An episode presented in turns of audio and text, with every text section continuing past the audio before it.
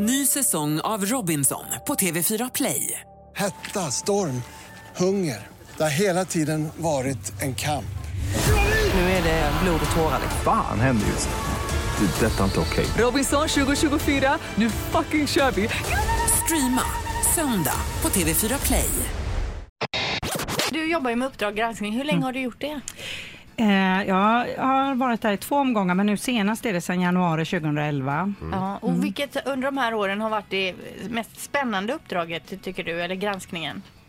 Ja, mest spännande är väl den jag håller på med nu får man väl erkänna då för jag har aldrig suttit i arresten förut. Men, men, eh, Kvittoskandalen måste ju vara det stora där. Ja, här i Göteborg blev det ju i alla fall det stora. Det blev ju extremt omskrivet och, och eh, många som reagerade på det. Kan du dra eh, plotten lite snabbt bara? På eh, kvittoskandalen i Göteborg. Eh, jo, vi fick ett tips om att eh, det var många kommuner som åkte ner till Cannes och eh, roade sig och drack champagne istället för att verkligen arbeta med fastighetsmässan som det egentligen var.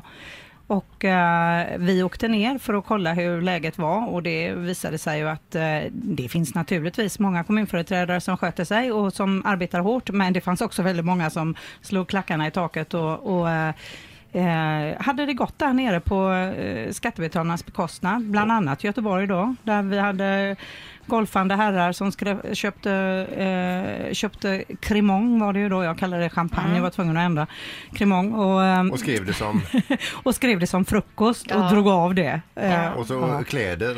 Ja, det var ju eh, nästan ännu värre. Vi hade ju en, en eh, före detta vd på bostadsbolaget som eh, käkade lunch med någon och, eh, och använde sedan ett kvitto eh, på, där han faktiskt hade varit i en Eh, visade sig eh, klädesbutik och handlat ett eh, damklädesplagg, storlek 40.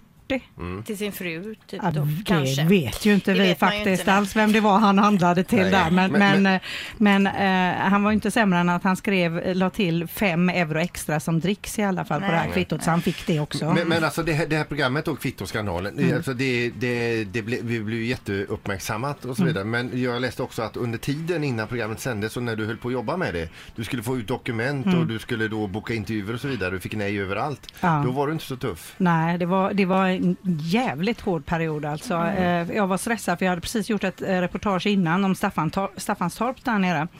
Eh, Så jag hade väldigt kort tid på mig och jag blev så otroligt motarbetad här i Göteborg. Och sedan, eh, senare visade det sig ju att eh, de hade ju lagt i, i, omkring en halv miljon kronor bara på att undkomma min granskning och anstränga sig för att inte eh, dröj, fördröja, låta bli att lämna ut dem. Eh, vänta, inte svara. Om jag ser att det är hon så svarar jag inte. Läste jag ett mejl till exempel som en Men det är informationschef väl både skrev. skandalöst och lite smickrande. Mest skandalöst om man ska vara Men jag ärlig. tänker då när du träffar de här personerna i efterhand som blev granskade, hur är ett sånt möte? Kallt. Mm. Ja. Men tycker du själv att det är jobbigt? Alltså eh, i det här fallet så eh, jag tycker ju att jag har rätt här. Ja. Jag avslöjar ju att de slarvar med våra gemensamma medel och, och jag tycker det är för, för jävligt rent ut sagt. Eh, eh, men det är klart, jag är inte helt okänslig när det gäller eh, den här sociala kompetensen Nej, som man det. förväntas ha. Va? Du, du verkar ju väldigt envis i ditt yrke. Ja. Är du det även privat? Ja. Det är så ja.